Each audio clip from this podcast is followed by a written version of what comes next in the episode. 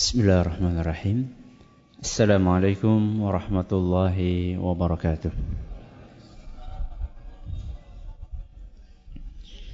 الحمد لله رب العالمين وبه نستعين على أمر الدنيا والدين وصلى الله على نبينا محمد وعلى آله وصحبه أجمعين أما بعد Kita panjatkan puja dan puji syukur kehadirat Allah Subhanahu wa taala. Pada kesempatan malam yang berbahagia kali ini kita kembali diberi kekuatan, kesehatan, hidayah serta taufik dari Allah Jalla wa ala.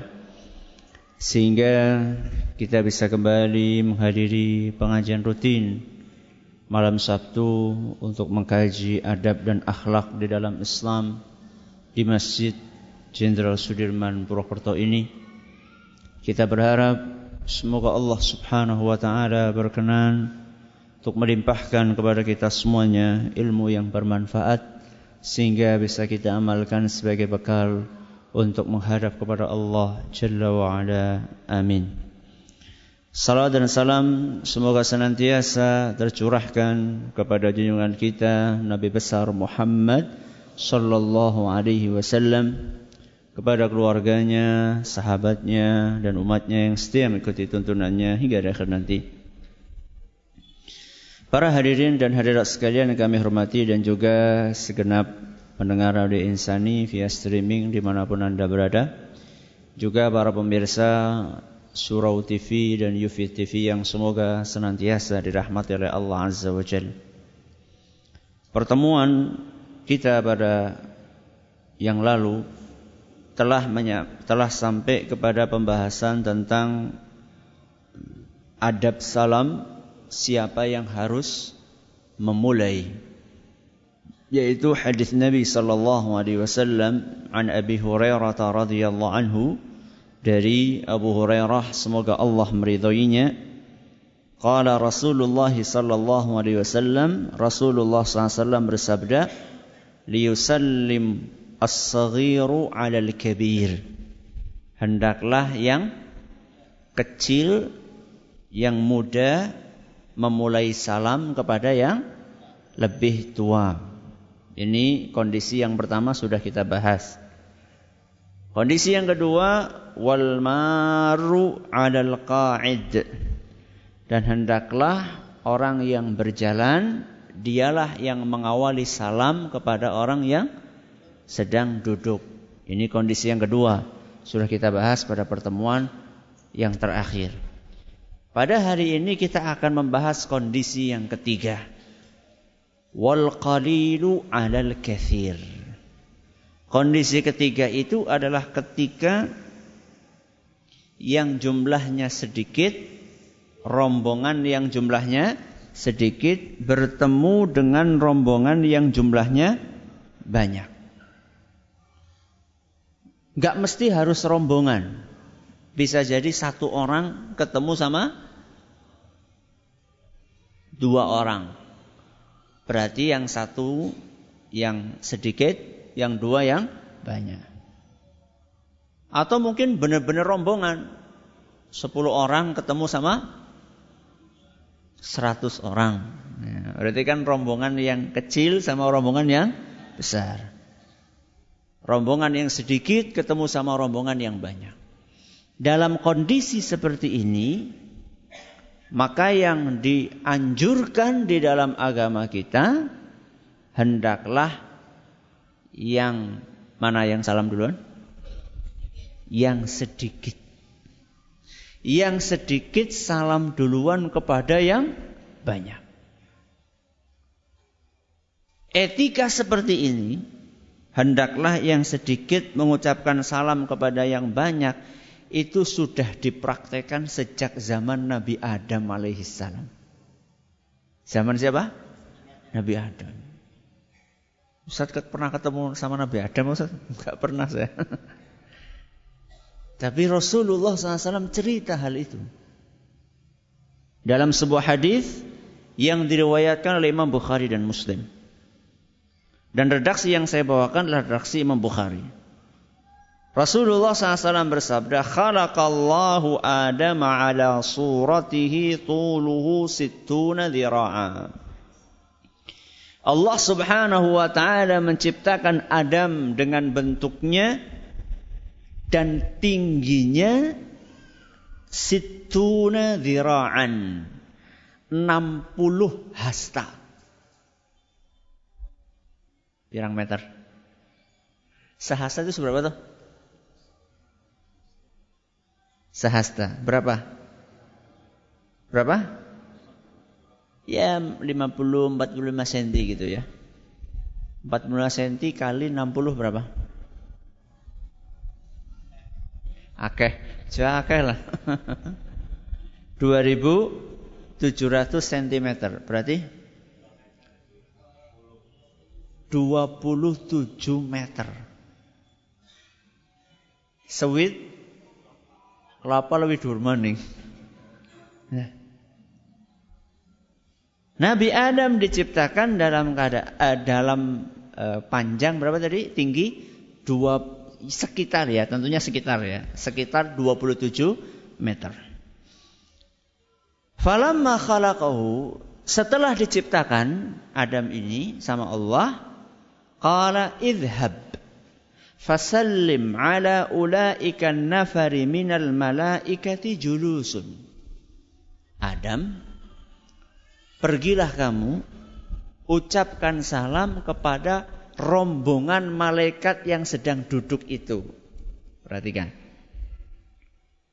Nabi Adam sama malaikat banyak siapa? malaikat. Jadi etika mengucapkan salam yang sedikit jumlahnya kepada yang banyak. Itu sejak zaman Nabi Adam alaihi salam sudah dipraktekkan.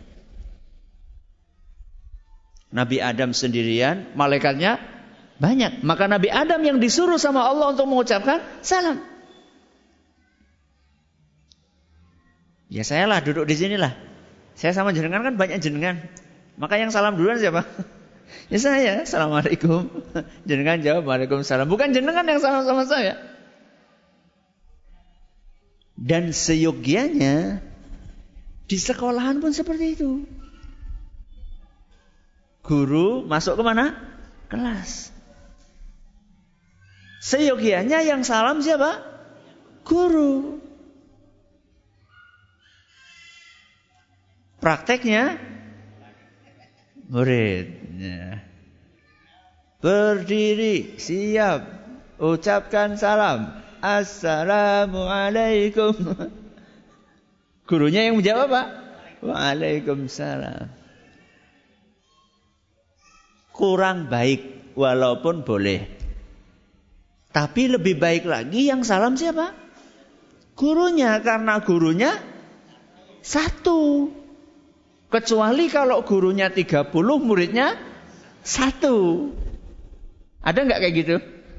Gak ada. Ya. Rata-rata mesti jumlahnya guru lebih sedikit daripada jumlahnya murid. Sudah jadi Nabi Adam begitu diciptakan disuruh sama Allah untuk apa? Salam kepada para malaikat yang lagi duduk-duduk rombongan. Fastami' ma yujib bunaka. Wahai Adam, dengarkan baik-baik bagaimana mereka menjawab salam. Siapa? Para malaikat. Adam, kamu nanti setelah salam, dengarkan baik-baik bagaimana para malaikat itu menjawab salam. Fa innaha tahiyyatuka wa tahiyyatu dzurriyyatika. Karena sesungguhnya apa yang akan dijawab sama para malaikat itu adalah ucapan salammu dan salamnya keturunanmu. Kita keturunan siapa? Nabi Adam. Berarti harusnya kita mengikuti ucapan itu. Faqala assalamualaikum. Maka Adam pun begitu disuruh sama Allah, beliau langsung mengucapkan apa? Assalamualaikum. Faqalu. Para malaikat apa? Jawab. Assalamualaikum warahmatullah. Apa? Assalamualaikum warahmatullah. Dijawab sama para malaikat. Kalau di dalam umat Nabi kita Muhammad SAW ditambahi lebih sempurna apa? Assalamualaikum warahmatullahi wabarakatuh.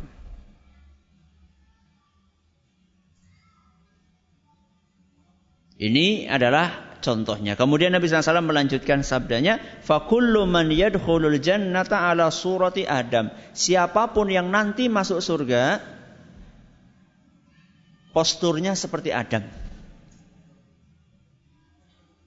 Siapa pun yang nanti masuk surga, posturnya seperti Adam. Walaupun sekarang kita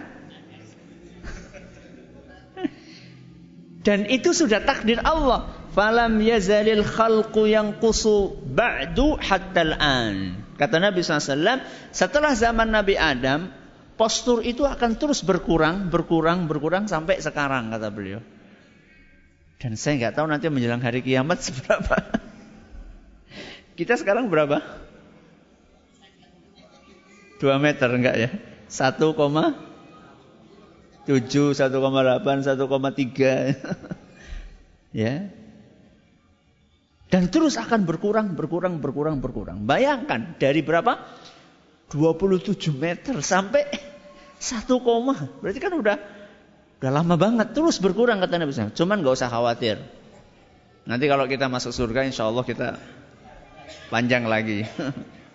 Loh Ustaz masa bisa berubah? Lah, ya nggak ada yang nggak ada yang mustahil di tangan Allah Azza wa Jal. Nggak ada yang mustahil di tangan Allah. Sudah. Berarti kalau berpapasan antara yang jumlahnya sedikit sama jumlahnya banyak, siapa duluan? Yang sedikit. Kenapa? Ke kenapa? Ada beberapa hikmah yang dijelaskan oleh para ulama kita. Malam ini kita membahas tiga hikmah yang dibawakan oleh mereka. Yang pertama, kata para ulama kita, karena hak apa? Hak yang dimiliki oleh rombongan yang jumlahnya besar, yang jumlahnya banyak, hak mereka lebih besar dibandingkan hak yang dimiliki rombongan yang jumlahnya sedikit. Saya ulangi. Alasan yang pertama apa? Karena hak hak ya, ada hak, ada kewajiban.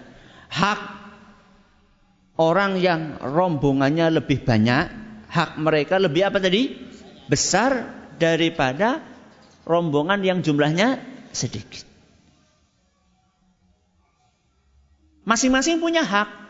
Ya, tapi kita bukan lagi bicara si fulan punya hak atau tidak, tapi siapa yang lebih besar haknya. Contoh misalnya, bapak dan ibu punya hak? Punya. Bapak punya hak, ibu punya. Haknya besar siapa?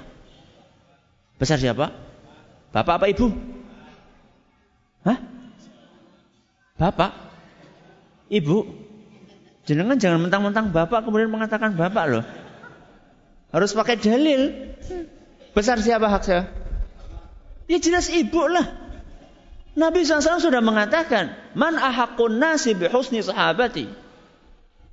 Wahai Rasul SAW, siapakah manusia yang paling berhak, yang haknya paling besar untuk saya sikapi dengan baik? Nabi katakan apa? Ummuka. Apa ummuka? Ibumu. Summaman, terus siapa wahai Rasul? Ibumu. Terus siapa lagi wahai Rasul? Ibumu. Terus bapakmu. Baru bapakmu itu yang berapa? Yang keempat. Hadis sahih. Ya.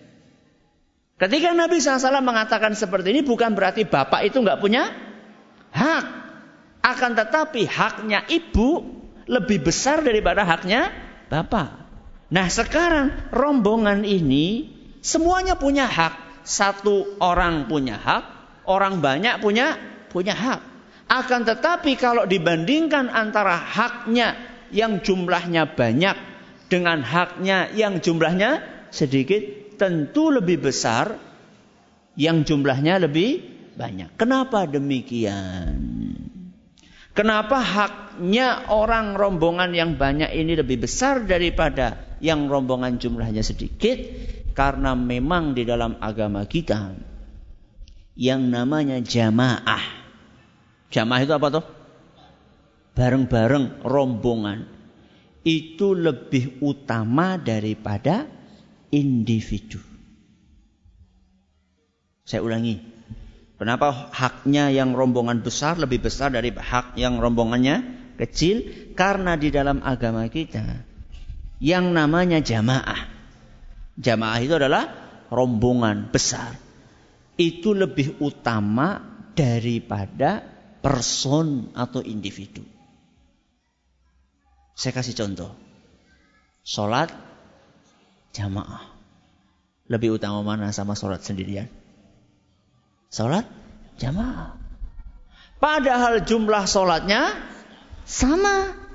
Rukuknya sama. Sujudnya sama. Ya. Bacaannya sama. Kenapa kok jumlah ketika berjamaah pahalanya lebih besar? Ya. Berapa kali? 27 kali. Sebagaimana dalam hadis riwayat Bukhari dan Muslim, salatul jama'ati tafdhulu salatal fadhi bi 27 darajah. Salat berjamaah pahalanya lebih utama daripada salat sendirian 27 kali lipat. Jangan milih satu apa 27? Nah, satu apa 27? Tadi asar jamaah enggak? Jamaah. Nung di? Nung omah. Alhamdulillah jamaah. Orang itu kadang-kadang kalau mikir pahala berapa apa loh siji. Kok kan nek wis ping 17 kan pada bahaya kok parah. Tapi kalau disuruh milih gaji, berharap digaji 17 juta apa sejuta? Milih mana coba? Ya sing jelas itu likur ya. Kalau masalah gaji, masalah duit milihnya yang banyak. Kalau masalah pahala, nerimo. nerimo yang salah ini. Kejar pahala. Ya. Jamaah. Ada lagi di dalam agama kita yang nyuruh jamaah? Makan. Apa? Makan. Makan berjamaah sih kepripun Ustaz? Wonten imame, wonten makmume ngaten Ustaz. Berarti yang lain cuma amin. Ya, Bukan seperti itu. Nanti saya akan jelaskan. Apa dalilnya kalau makan berjamaah itu lebih baik daripada makan sendirian? Hadis riwayat Muslim. Hadis riwayat Muslim. Rasulullah SAW bersabda, "Ta'amul wahidi yakfil ithnain." Makanan satu orang itu sebenarnya cukup untuk dua orang. Apa? Makanan satu orang sebenarnya cukup untuk berapa? Dua orang. Wa ta'amul ithnaini yakfil arba'ah. Dan makanan dua orang itu sebenarnya cukup untuk empat orang. Ustaz ini hadis Kenapa kok dijadikan dalil dianjurkan makan apa? Berjamaah. Kata Imam Ibnu Hajar al Asqalani. Karena awal hadis ini itu kan potongan hadis. Awalnya sebagaimana disebutkan dalam Imam At-Tabarani bunyi hadisnya awalnya kulu jami'an wala tafarraqu. Makanlah kalian secara berjamaah, jangan sendiri-sendiri. Karena kalau berjamaah, makanan satu bisa untuk dua orang. Jatah makanan dua orang bisa dimakan empat orang. Itulah berkah. Kenapa kita merasa ya Allah ujarku ya gaji sejuta kurang. Rong juta kurang. Limang juta kurang. Coba saya tanya. Jangan gajinya kan dari tahun ke tahun naik toh? Ya apa enggak? Apa malah turun? PNS, PNS. Nah, PNS kan semakin naik golongan itu kan semakin semakin apa? Semakin bertambah kan? Masa antara golongan kalau baru golongan berapa? Apa? 2A sama 4 E. Ada 4 E? Oh enggak ada. Nun saya, saya bukan PNS jadi enggak tahu. Antara gajinya golongan 2A sama 4D itu kan beda. Tapi coba jenengan perhatikan. Ketika jenengan gajinya masih golongan 2A. Sama ketika jenengan gajinya sudah golongan berapa tadi? 4D. Semakin banyak gajinya, kebutuhannya semakin banyak. Betul? Kenapa bisa demikian? Padahal anaknya tetap, bojone tetap. Kawit mian bojone kursi siji. Anaknya loro. Ya.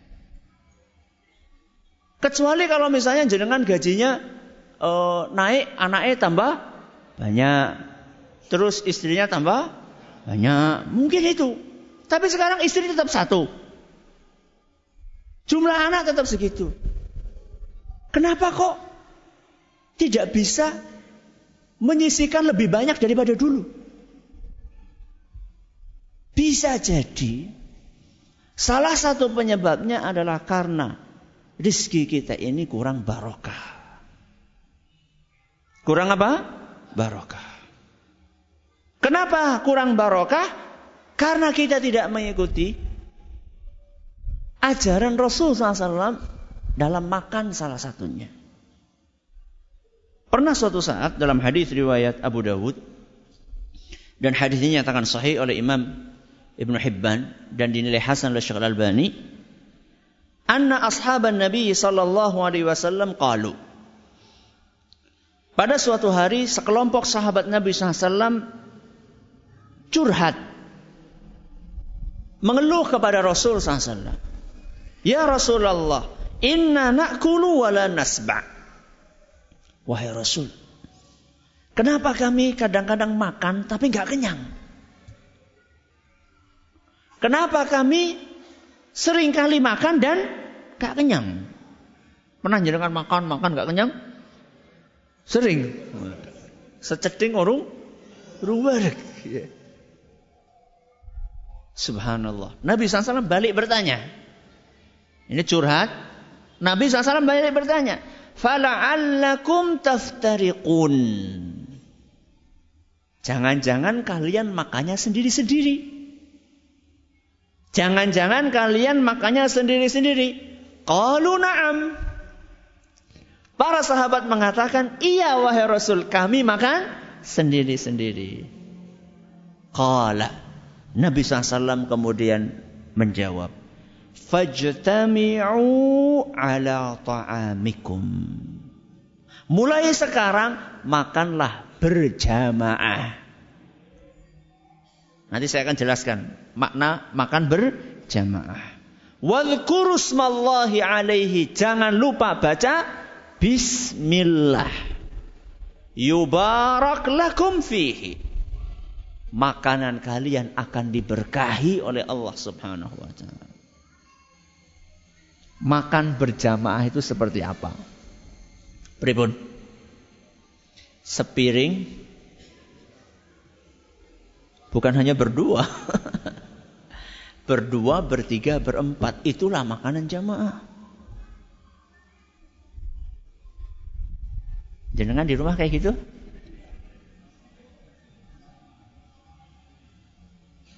Ustadz anu kurang modern itu Ustaz. nggak keren itu Ustaz. Kalau jenengan ke daerah Arab sana, ke Saudi, itu masih sangat apa? Masih sangat terbiasa untuk makan seperti itu. Cuma di negeri kita ini masih dianggap apa? Asing. Iya. Yeah. Loh Ustaz masa lagi kondangan Sudahlah, sekarang jenengan itu nggak usah bayangin yang muluk-muluk. Jenengan di rumah sudahlah, praktek apa enggak sudah? Nggak usah bahas masalah apa? Mangan kayak kue kondangan nggak usah. Sekarang jenengan di rumah saja sudah. Sama istri. Uh, alhamdulillah Ustaz. Makan sepiring berdua. Kapan? Malam pertama Ustaz. Terus baru gue bubar. Ya. Ayo. Kita berusaha untuk apa? Mengamalkan. Ya, walaupun sunnah. Walaupun apa? Sunnah. Saya nggak katakan ini wajib. Tidak. Akan tetapi inilah salah satu sebab yang menyebabkan makanan kita jadi barokah. Ustaz nek mangan soto si kepriwe. Lah, jenengan apa sebenarnya mangan soto? Apa jenengan setiap hari dahar soto kan enggak. Ketika lagi makan misalnya apa? Nasi goreng, nasi kebuli, orang mesti nasi kebuli. Nasi goreng misalnya atau ketika lauknya itu Bukan yang terlalu kuah-kuahan ya. Ayo kita makan, praktekkan. Ya. Ya wutah-wutah Ustaz. Mana be alasannya ya? Masya Allah. Jenengan kan punya apa? Punya nampan di rumah. Ya. Ustaz masa baki, Ustaz gue makan sih kepriwe. Coba sekarang saya tanya, apa bedanya baki sama piring? bedanya lebih besar, bentuknya kotak, itu saja kan? Terus apa bedanya? Ya. Ya sudah kalau jenengan nggak mau udah pakai godong wis. pakai godong apa? Pisang. Jenengan ambil godong pisang kemudian digelar. Waduh, itu masya Allah itu nikmat sekali itu. Kayak lagi hacking gitu ya. Kayak lagi camping itu makan bareng. Masya Allah. Dan di situlah akan terlihat kebersamaan. Barokah akan turun. Barokah akan turun. Ketika barok kan kita sudah bahas barokah ini ya. Kapan ya? Pas lagi bahas apa ya? Oh, pas lagi bahas apa? Jilati apa? Jilati tangan setelah makan. Ya. Barokah itu apa? Barokah itu ketika dimakan bikin tubuh sehat. Ya. Kemudian tadi Nabi SAW katakan bisa bikin ke kenyang. Sehingga walaupun anaknya banyak, walaupun anaknya banyak, kalau cara makannya seperti ini, masya Allah. Masih ingat mbah-mbah kita dahulu, ketika anaknya banyak, lauknya tidak ada, mereka jadikan satu. Ya. Ambil apa namanya? Daun, kemudian taruh nasi, kemudian pakai saat itu ya mungkin tidak ada, adanya mungkin jelantah atau uyah, ya, atau gesek, kemudian dia apa? Ditul-tulkan. Kenapa kita anaknya mbah-mbah kita dahulu sampai sekarang hidup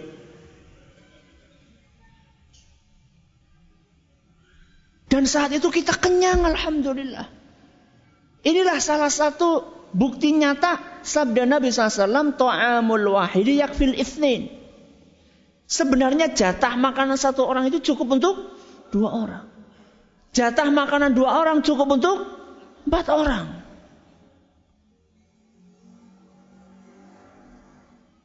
Kalau cara makannya seperti ini. Kalau cara makannya sendiri-sendiri, ya jatahnya satu orang untuk satu orang. Jatahnya dua orang untuk dua orang. Maka kalau kita praktek makannya seperti itu, jenengan punya anak empat itu seperti punya anak dua. Jenengan punya anak delapan seperti punya anak empat. Jenengan punya anak dua belas seperti anak enam karena berkah. Pembahasan kita makan atau salam? Kok malah kelalen? kita lagi bahas masalah salam. Coba sekarang siapa yang bisa mengembalikan kepada pembahasan salam? Kenapa kok kita sampai bahas masalah makan? Coba kenapa tadi? Jamaah. Karena jamaah itu haknya lebih besar dibandingkan person ya dibandingkan individu. Makanya yang disuruh salam adalah yang individu atau yang jumlahnya sedikit kepada yang jumlahnya lebih banyak. Ini hikmah yang pertama. Hikmah yang kedua kata para ulama untuk melatih tawadhu. Apa? Melatih tawadhu. Tawadhu itu rendah apa? Rendah hati. Ya. Untuk melatih rendah hati. Siapa Ustadz yang jumlahnya sedikit? Ya. Kenapa Ustadz? Apa hubungannya? Kebalikannya tawadhu apa? Kebalikannya tawadhu apa? Sombong. Karena kata para ulama kita, ketika yang nyalami pertama yang jumlahnya banyak, kepada yang jumlahnya sedikit atau satu orang, bisa jadi hal ini akan menumbuhkan perasaan apa tadi? Sombong. Wah, nyung terkenal ya jebuli ya. Itu fans fans berat saya. ya. yeah. Jadi maka di dalam agama kita kata para ulama dianjurkan yang jumlahnya sedikit salam kepada yang jumlahnya banyak. Melatih tawadhu. Ustadz berarti Nabi Adam itu ah, mulai. Berarti Nabi Adam ini sombong ya Ustadz. Makanya disuruh apa? Salam. Ini penyakit. Ya. Ketika kita baca hadis itu usahakan pertama kali digunakan untuk mengukur diri sendiri. Jangan pertama kali untuk mengukur siapa? Orang lain. Contoh misalnya. Nabi SAW mengatakan yang pertama kali masuk neraka berapa orang? Tiga orang. Siapa mereka? Satu. Orang yang rajin sedekah. Dua. Orang yang jihad. Tiga. Orang yang rajin baca Quran dan rajin atau ustadz lah gampangan. ya, tiga orang ini yang pertama kali masuk neraka. Apa salahnya mereka tiga ini? Tidak ikhlas. Yang sedekah cuma mencari apa? Ujian supaya dikatakan der dermawan. Yang rajin baca Quran supaya dikatakan korek. Yang jihad supaya dikatakan pemberani. Ketika jenengan baca hadis ini, gunakan hadis ini untuk mengoreksi diri, bukan untuk menilai orang lain. Ada motivasi dari takmir masjid karena mau merehab masjid. Ayo jamaah sekalian, kita insya Allah mau rehab masjid, kita akan perbaiki atapnya, keramiknya, dan seterusnya. Coba siapa yang mau infak? Jamaah, saya, saya semennya semuanya sampai selesai. Langsung ke calon penghuni neraka ke.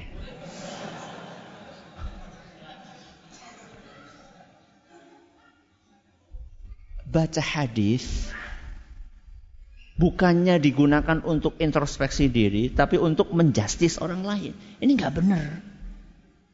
Ya. Ketika kita baca hadis itu kita koreksi diri kita.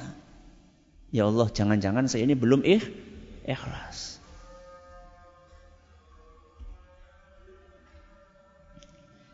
Dalam kasus ini melatih tawadhu juga sama.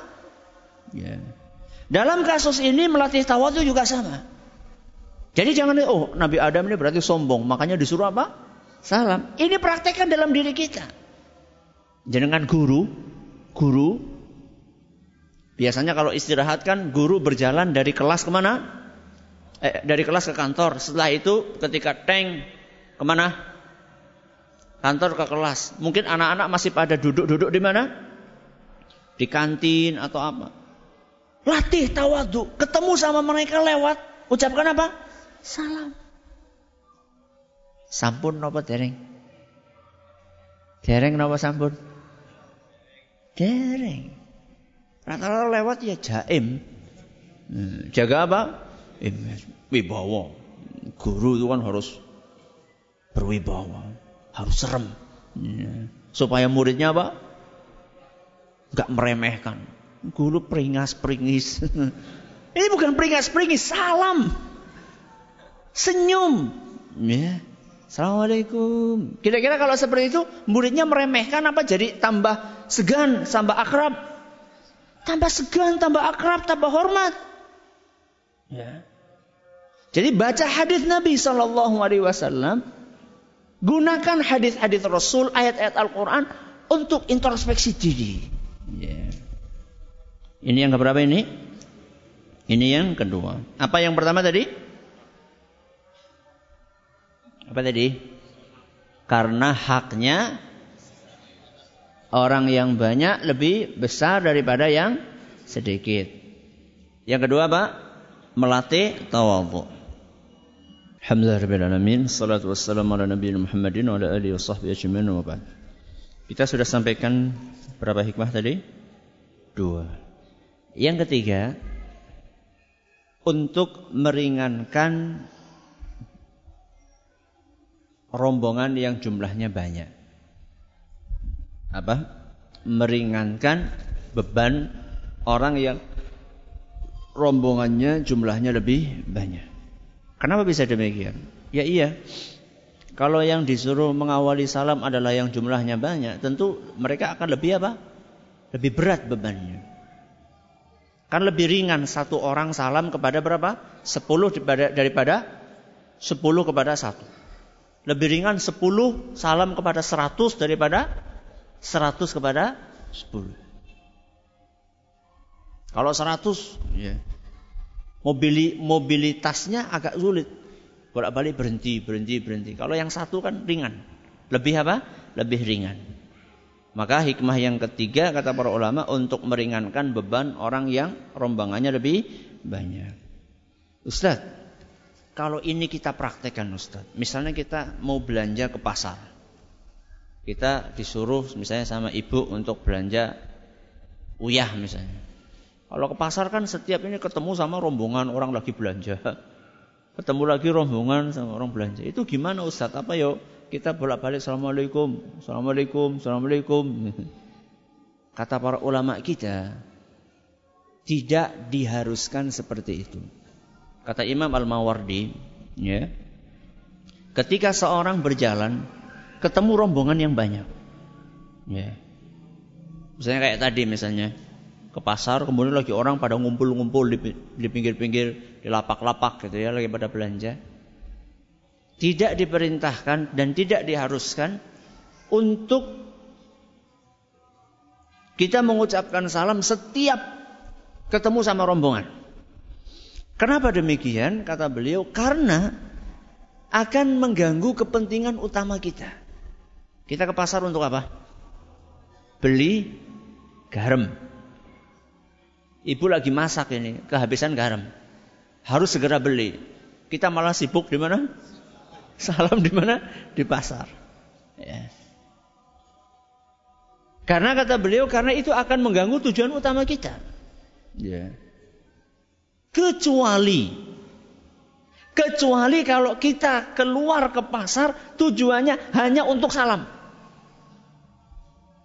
Ada? Ada? Ada Ibnu Umar radhiyallahu anhu. Siapa? Ibnu Umar radhiyallahu anhu. Dalam sebuah riwayat dalam kitab Al-Muwatta dan riwayat ini dinyatakan sahih oleh Syekh Al-Albani anna Tufail bin Ubay bin Ka'b akhbara bahwa At-Tufail bercerita annahu kana ya'ti Abdullah bin Umar fa yaghdu ma'ahu ila suq. At-Tufail suatu hari pergi ke rumahnya Ibnu Umar. Sampai ke rumahnya Ibnu Umar, At-Tufail ini diajak sama Ibnu Umar ke pasar. Berapa orang? Berdua. Fa idza ghadawna ila suqi Lam yamur Abdullah bin Umar ala saqatin wala sahibu bi'atin wala miskinin wala ahadin illa sallam alaih. Kata At-Tufail, ketika aku bareng sama Ibnu Umar ke pasar, setiap melewati orang siapa pun dia, apakah itu penjual, apakah itu orang lewat, apakah itu orang miskin, atau siapa pun yang ketemu salam. Masya Allah. Ketemu bakul jengkol, Assalamualaikum. Kayaknya nggak ada jengkol saat itu. Nggak sekarang maksudnya. Ketemu bakul tempe, Assalamualaikum. Ketemu pengemis, Assalamualaikum. Ketemu bakul serbet, Assalamualaikum. Ketemu siapa pun salam. Fajitu Abdullah bin Umar yauman fastatba'ani ila suq. Keesokan harinya saya datang lagi ke rumahnya Ibnu Umar, kata Tufail. Ternyata sampai ke tempatnya Ibnu Umar, saya diajak lagi ke pasar. Wah, Tufail langsung lagi. Fakultu lahu wa ma tasna'u. Apa yang mau kamu lakukan di pasar wahai Ibnu Umar? Wa anta la taqifu 'ala al-bai'i wa la tas'alu 'anis sila'i wa la tasumu biha wa la tajlis fi majalisis suq. Kemarin saya diajak kamu, kamu nggak beli apa-apa, nggak mampir di mana-mana, nggak nawar apa-apa, nggak duduk di situ. Kamu cuma lewat assalamualaikum, assalamualaikum, assalamualaikum, assalamualaikum. Kata At-Tufail, ijlis bina huna natahaddath. Udah kita duduk aja di sini ngobrol. Kata siapa? At-Tufail kepada Ibnu Umar. Apa kata Ibnu Umar? Ya Aba Bakr. Innama naghdu min ajli salam. Kita itu pergi ke pasar hanya untuk salam. Hanya untuk apa? Salam. Nusallim ala man laqina. Salam kepada setiap orang yang kita temui. Jadi saya ini ke pasar, gak ada tujuan apa-apa. Kecuali pengen apa? mengucapkan salam kepada siapa pun yang ditemui. Ada yang seperti itu? Ada yang seperti itu? Mana-mana waktu nih Ustaz. Oh, mana waktu. Nek lagi ngerumpi karo tanggane orang mana-mana waktu nih. Nek lagi nonton apa? TV orang man waktu nih. Kira-kira lama mana kita kalau misalnya ke, pasar Assalamualaikum, Assalamualaikum, Assalamualaikum. Karo nonton bal-balan gue suwendi gue. Yo suwe tetap suwe pasar, ya wis ora apa-apa suwe pasar. Pahalane gede ndi? Sing siji ora pahalane. Sing siji pahalane apa? Oke. Okay. Ah, kalau misalnya tujuan keluar rumahnya kayak Ibnu Umar seperti ini ya. Ya, maka ketemu orang salam-salam. Itu kalau tujuan keluarnya. Tapi kalau tujuan keluarnya golet uyah, ya, pengen belanja apa namanya? garam, Ya, salam seperlunya saja. Salam seperlunya saja. Ini yang kami sampaikan.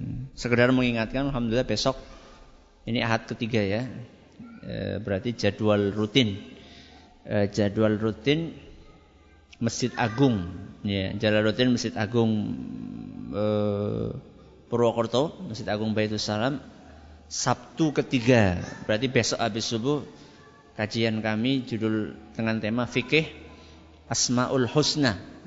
Memahami satu persatu Asmaul Husna. Nama-nama Allah yang mulia. Terus besok malam, malam Ahad, kelanjutan pengajian rutin Tazkiyatun Nufus di Masjid 17. Sudah libur nggak tahu berapa bulan. Saking lamanya sampai lupa. Jadi besok Ba'da Subuh itu pengajian kami di Masjid Baitus Salam, Masjid Agung Baitus Salam ada subuh paling maksimal 20 menit, 25 menit. Kemudian besok malam ada maghrib sampai isya di masjid 17. Wallahu taala alam alam. Mudah-mudahan bermanfaat. Terima kasih atas perhatiannya. Menurut segala kurangnya kita tutup dengan membaca Subhanakallahumma bihamdika asyhadu an la ilaha illa anta astaghfiruka wa atubu ilaik. Assalamualaikum warahmatullahi wabarakatuh.